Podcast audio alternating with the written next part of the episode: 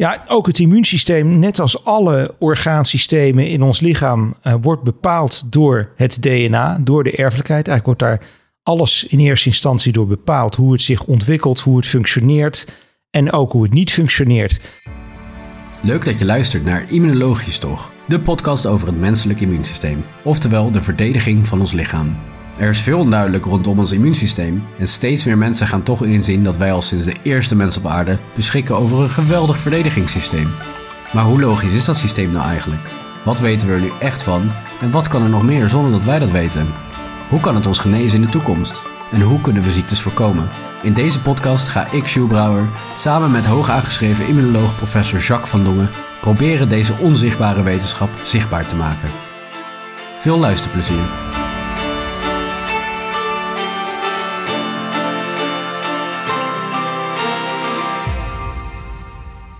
Welkom weer bij een nieuwe aflevering van Immunologisch Toch. En vandaag hebben we een speciale gast in de aflevering. Ik ben natuurlijk weer met medisch immunoloog Jacques van Dongen. Hallo, Gilles. En deze keer hebben we ook bij ons aan tafel Frank Staal, moleculair immunoloog aan het LUMC. Goedemiddag, Jules. Fijn om hier te zijn. Goed dat je er bent.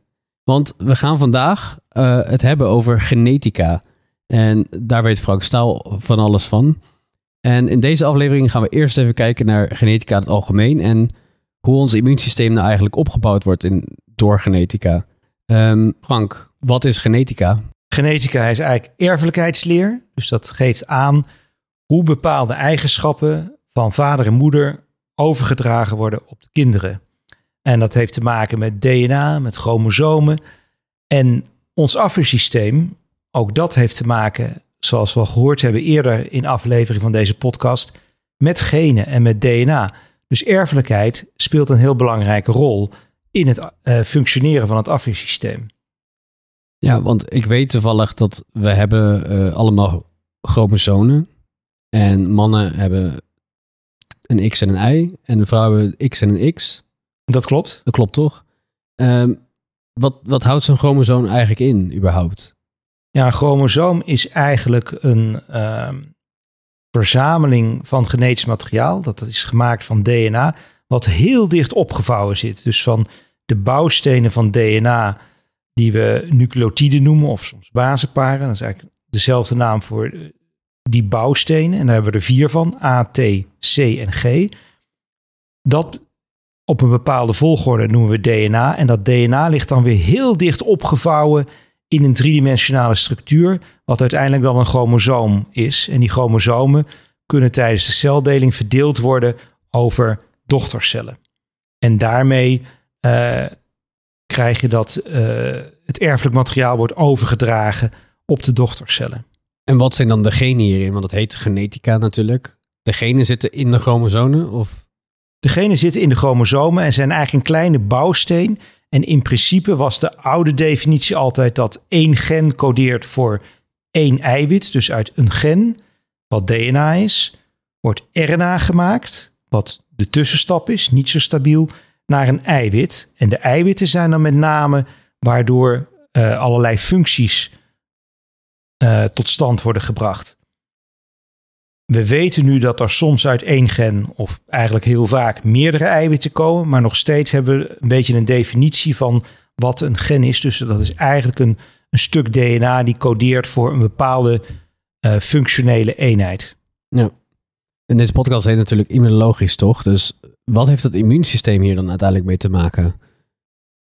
Ja, ook het immuunsysteem, net als alle orgaansystemen in ons lichaam, uh, wordt bepaald door het DNA, door de erfelijkheid. Eigenlijk wordt daar alles in eerste instantie door bepaald. Hoe het zich ontwikkelt, hoe het functioneert en ook hoe het niet functioneert. Ook daar zijn heel vaak voorbeelden van dat er in het DNA iets niet goed gaat. Het kan heel veel dingen gaan gelukkig altijd wel goed, maar er kunnen ook dingen verkeerd gaan. Dat noemen we dan bijvoorbeeld een mutatie, dat er een foutje zit in het DNA van zo'n gen. En dat kan je van je vader of je moeder overerven. En in het afweersysteem kan het dan dus zijn dat je uh, moeder en je vader geen last hebben uh, van dat gemuteerde gen. Omdat je van elk gen heb je twee kopieën. Die liggen op twee gelijke chromosomen.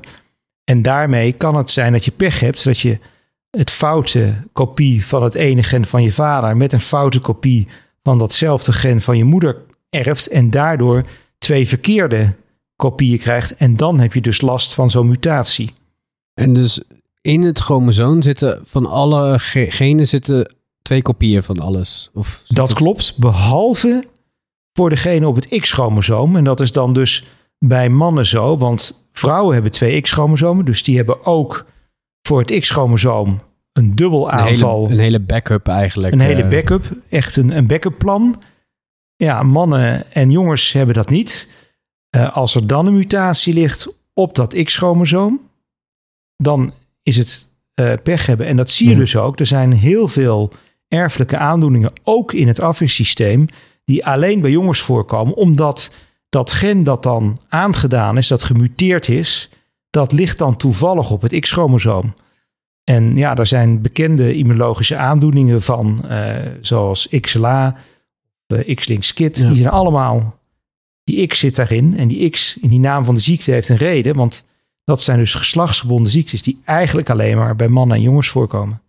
Dus eigenlijk betekent dat dat mannen hebben een X en een Y. En die Y uh, is dus niet heel belangrijk hierin verder. Nee, die Y is eigenlijk een bijna leeg chromosoom. Dus ook een heel klein chromosoompje.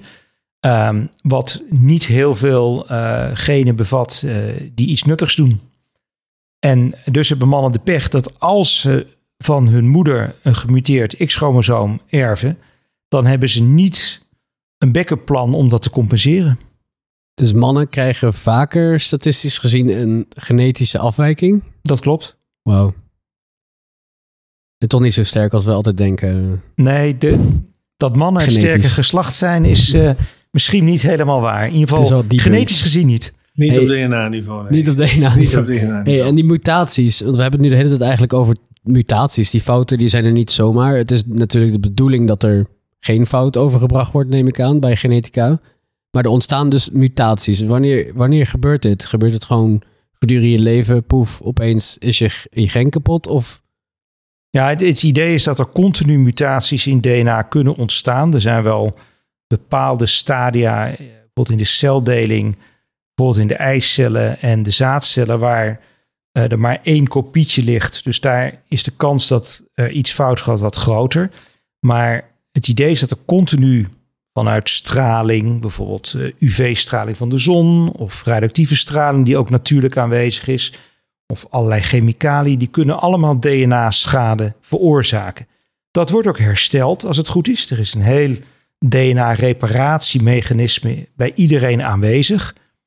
Maar soms lukt dat niet en dan kan je dus pech hebben dat zo'n mutatie iets gaat doen. En je ziet ook dat naarmate je ouder wordt, dat die mutatie, uh, aantal mutaties, dat dat toeneemt. Je hebt dus twee manieren om een mutatie te ontvangen of te krijgen in ieder geval. Dus in je lichaam kan het muteren door bijvoorbeeld externe factoren zoals straling of iets wat... Ja, chemicaliën zijn ook Chemicaliën. Maar ook zodra je dus uh, een kind gaat maken of krijgen, uh, wordt dat genetisch materiaal dus overgedragen naar de eicel en de zaadcel.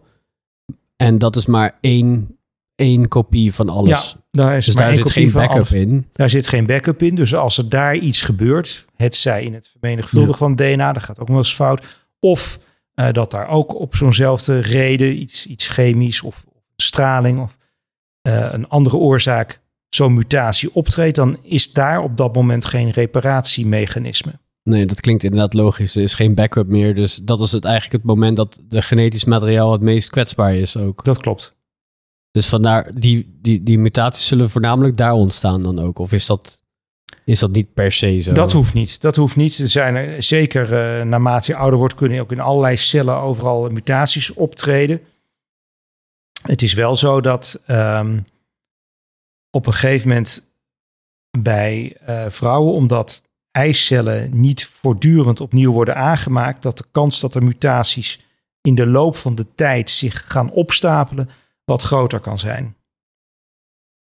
Ja. Vergeleken met zaadcellen bij de man die opnieuw steeds worden ja, aangemaakt. Ja, precies. Dat is uh, veel sneller, uh, uh, ja, hoe zeg je dat, reproductie. Hey, we hadden het net al heel even kort over die immuunstoornissen die dus ook komen door genetische fouten. Nou is mijn eigen uh, immuundeficiëntie ook X-gebonden, dus ook een genetische fout. Ik weet toevallig ook het gen, het BTK-gen. Zegt mij verder niks natuurlijk. Ik heb het gen nog nooit gezien, maar ehm, dit is één, dit het is één gen in, in het grotere geheel. Dat klopt. Ja. maar we hebben allemaal een kopie daarvan ook, toch? Ja. ja. Dus ik heb twee foute BTK-gens. Nee. BTK is zo'n voorbeeld van een geslachtsgebonden ziekte. Die ligt, dat gen ligt dus op het X-chromosoom.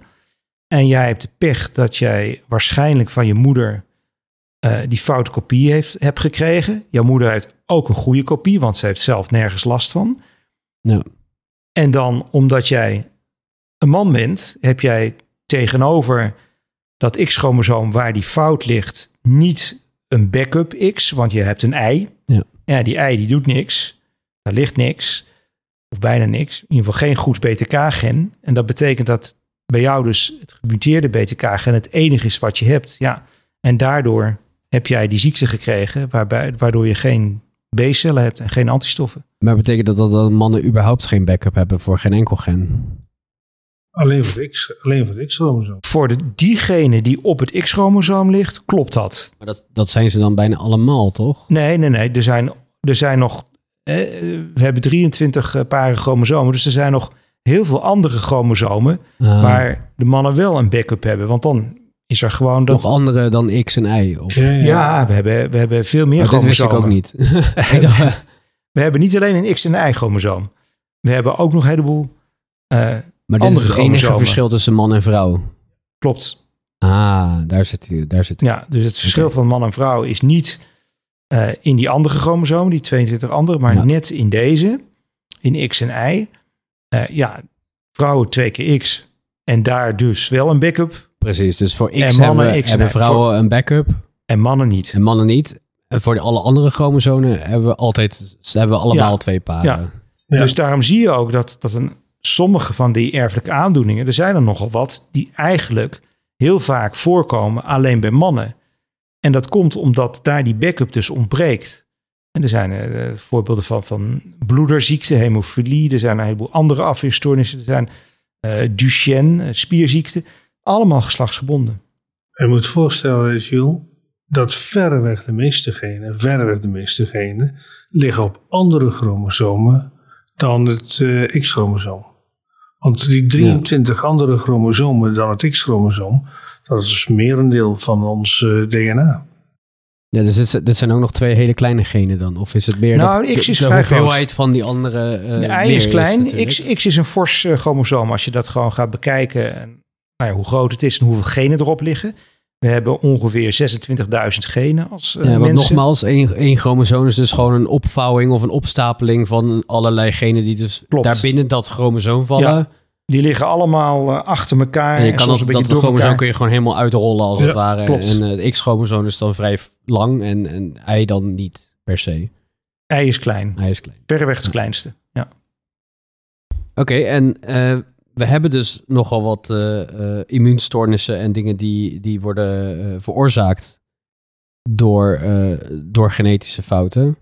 Misschien kan nog Jacques nog heel even nog wat toelichten hierover. Over wat voor stoornissen dan daar ja, nog verder aan zitten. Oh, er zijn ontzettend veel verschillende soorten stoornissen. Er zijn er nu ongeveer 480 à 500 bekend. Dat wil dus zeggen dat er ongeveer ehm, van, van alle afweerstoornissen weten wij dat er uh, gendefecten zijn. Soms maar één mutatie, zoals, zoals Frank heeft uitgelegd, uh, in een van die genen. En ik vermoed dat het gaat uiteindelijk om veel meer, misschien wel duizend verschillende genen die betrokken zijn bij het functioneren van het afweersysteem en dat we nog maar een deel daarvan kennen. En van al die afweerstoornissen in totaal zijn er ongeveer 10 à 12 waarvan het gen op uh, chromosoom X ligt. Het ja. merendeel ligt dus op een van de andere 23 chromosomen. En naast stoornissen, heeft deze genetica nog iets anders? Uh, wat voor andere invloed heeft het op mensen? Want iedereen heeft een andere genetica. Dus betekent dat ook dat iedereen een ander immuunsysteem heeft? Mensen verschillen enorm. Want je moet voorstellen dat los van mutaties of verschillen eigenlijk tussen de genen van het afweersysteem. Er ook verschillen zijn die niet het gen kapot maken of uh, zeg maar stoppen in hun functie.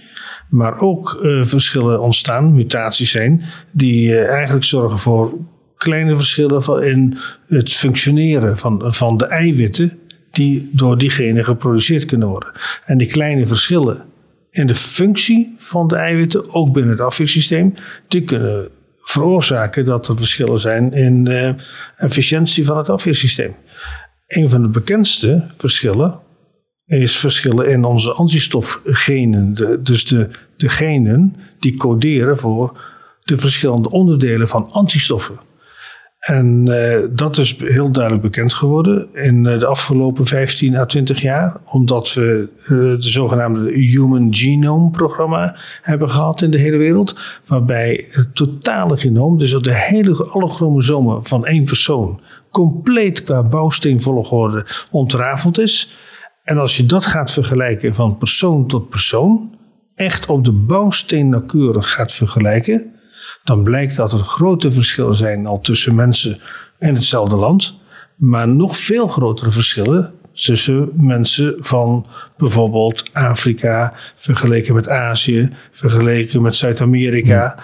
En die verschillen tussen de verschillende populaties mensen, die dragen ook nog een keer bij aan wat je zou kunnen zeggen diversiteit. Ook diversiteit wat betreft antistoffen of wat betreft andere onderdelen van het afweersysteem. Maar die genetica past zich dus aan aan, aan de omgeving in dit geval? Of aan wat? Nou, dat, zo, dat is, is waarschijnlijk een soort van survival of the fittest dingetje. Dat speelt zeker een rol. Wow. Dus er zijn naast dat we allemaal eigenlijk, uh, ja, we zijn allemaal heel uniek natuurlijk. En genetisch gezien zijn we dat ook zeker. Maar ook ons immuunsysteem is dat dus. Ons immuunsysteem verschilt letterlijk van mens tot mens. En de verschillen tussen groepen mensen op verschillende locaties in de wereld, die is groter. Dus we hebben ook een soort collectief immuunsysteem dan. Absoluut. Met z'n allen. Iedereen is net wat anders, waardoor we dus allemaal weer wat anders. Uh, waar we allemaal zijn we allemaal in wat anders goed. Waardoor het dus uiteindelijk werkt. Nou, dat begrip wat je noemde van survival of the fittest, dat heeft natuurlijk in bepaalde locaties in de wereld zeker bijgedragen dat er verschillen zijn ontstaan tussen groepen in de wereld. Ja, en er zijn dus die genen, uh, er zijn dus genen of DNA wat voorschrijft hoe wij antistoffen, bijvoorbeeld antistoffen maken. En bij de ene persoon is dat, werkt dat beter of hoe kan het dan dat de ene persoon meer antistoffen maakt, bijvoorbeeld dan de andere, of meer verschillende antistoffen maakt dan de ander? Nou, het is niet zozeer dat uh, er meer of minder antistoffen gemaakt worden, maar dat de verschillen tussen de antistoffen er zijn.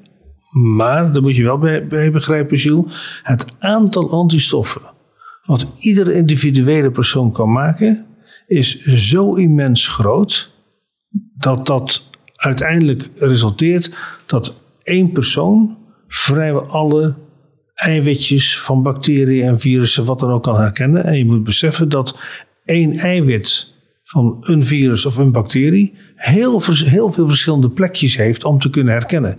Dus met andere woorden, één persoon heeft zoveel mogelijkheden om antistoffen te maken, dat van een lang eiwit, of zelfs een kort eiwit, allerlei verschillende onderdeeltjes herkend kunnen worden.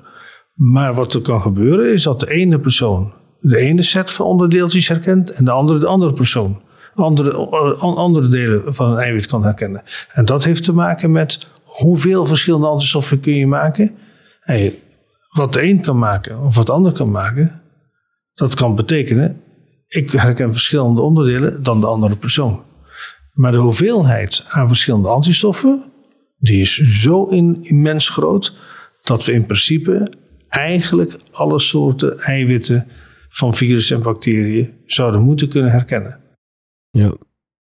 Punt is wel, zijn alle antistoffen tegelijkertijd op moment A of B aanwezig. Met andere woorden, heb ik op dit moment alle antistoffen beschikbaar om alle virussen en bacteriën te kunnen herkennen?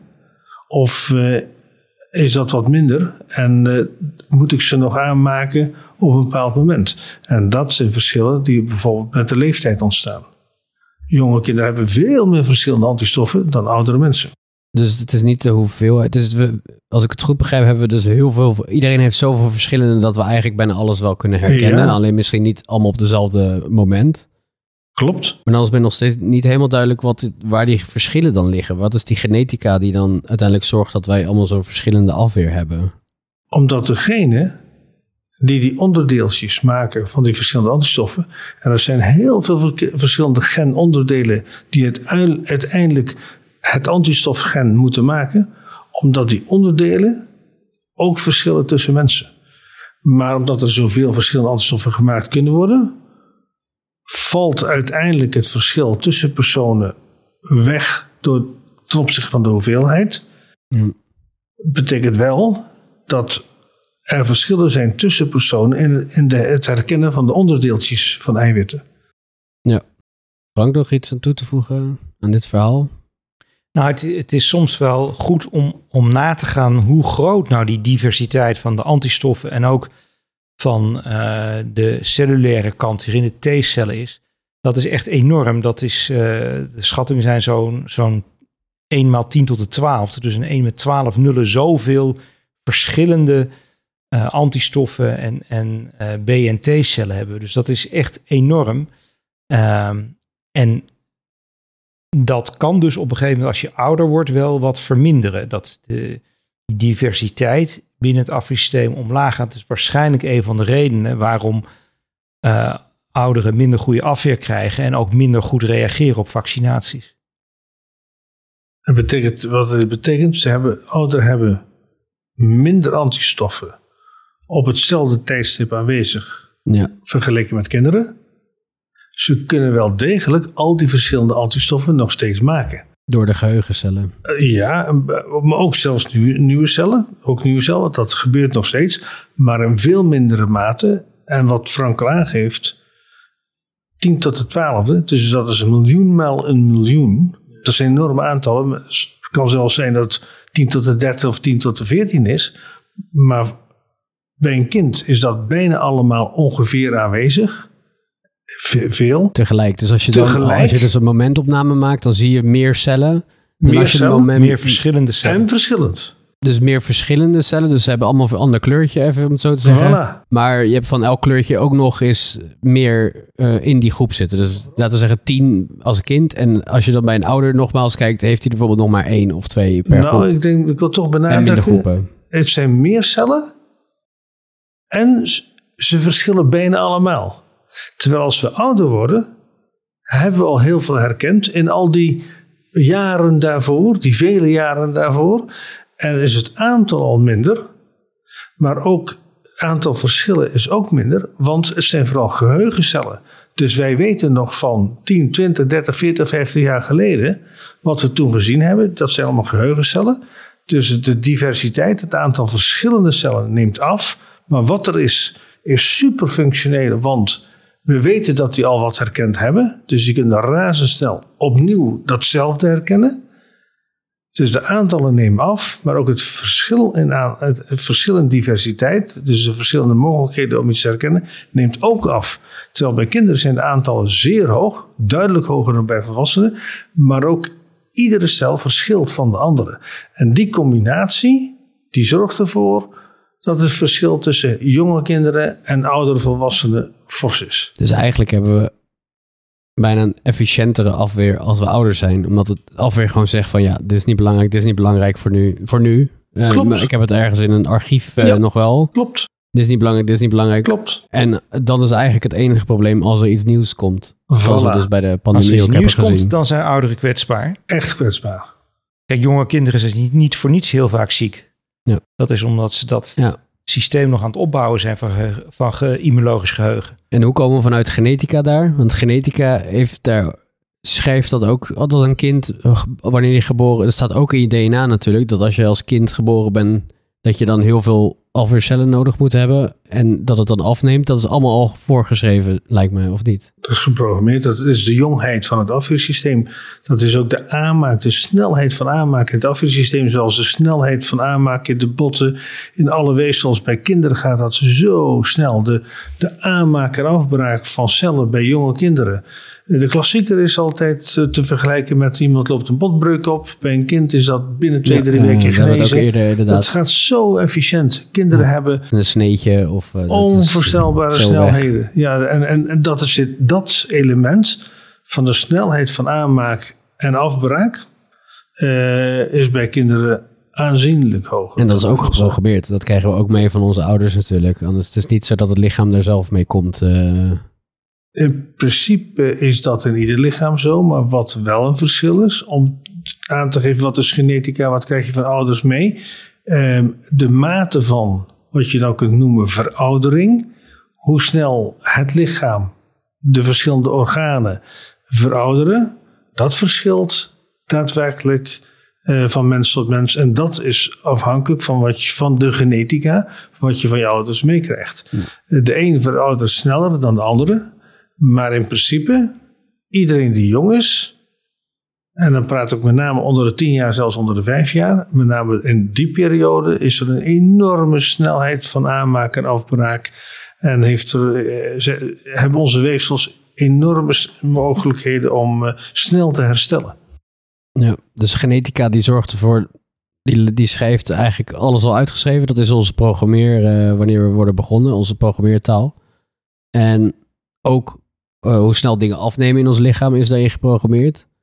Maar ook wat interessant is natuurlijk voor immunologie, is dat er genetische fouten en nou ja, mutaties voor kunnen komen, waardoor wij dus problemen kunnen krijgen met van alles en nog wat. Ik bedoel, er zijn volgens mij enorm veel genetische ja, ziektes, ik weet niet hoe je dat noemt. Uh, ziektes, aandoeningen. Aandoening, aandoeningen inderdaad, die niks met immunologie te maken hebben, maar wel genetisch zijn. En daarnaast hebben we ook heel veel nou ja, de meeste primaire afweerstoornissen zijn ook genetisch bepaald. Per definitie zijn dat genetische aandoeningen. Precies, per definitie. Dus, uh, dus eigenlijk is die genetica, ja, dat is natuurlijk eigenlijk de bron van alles. Uh, dat klopt. Ja. Nou, dat is eigenlijk allemaal wel weer heel immunologisch, toch? En genetisch. Zeker. En genetisch. En genetisch, genetisch toch? Hey, uh, Frank, bedankt. En we zien je in de, in de volgende aflevering nog even terug. Graag. Zie je er uit. En Jacques, ook weer bedankt. Graag gedaan, Jules. Bedankt voor het luisteren naar Immunologisch Toch, de podcast over ons immuunsysteem. Vond je dit nou een leuke aflevering? Vergeet dan niet onze podcast te volgen op jouw favoriete podcastplatform. En heb je nou zelf een vraag over het immuunsysteem? Of wil je graag met ons in contact komen? Stuur dan een mailtje naar info.weerstandsfonds.nl. Deze podcast wordt mede mogelijk gemaakt door het Weerstandsfonds. Kijk dus ook even op weerstandsfonds.nl voor meer informatie. Heel graag tot de volgende aflevering.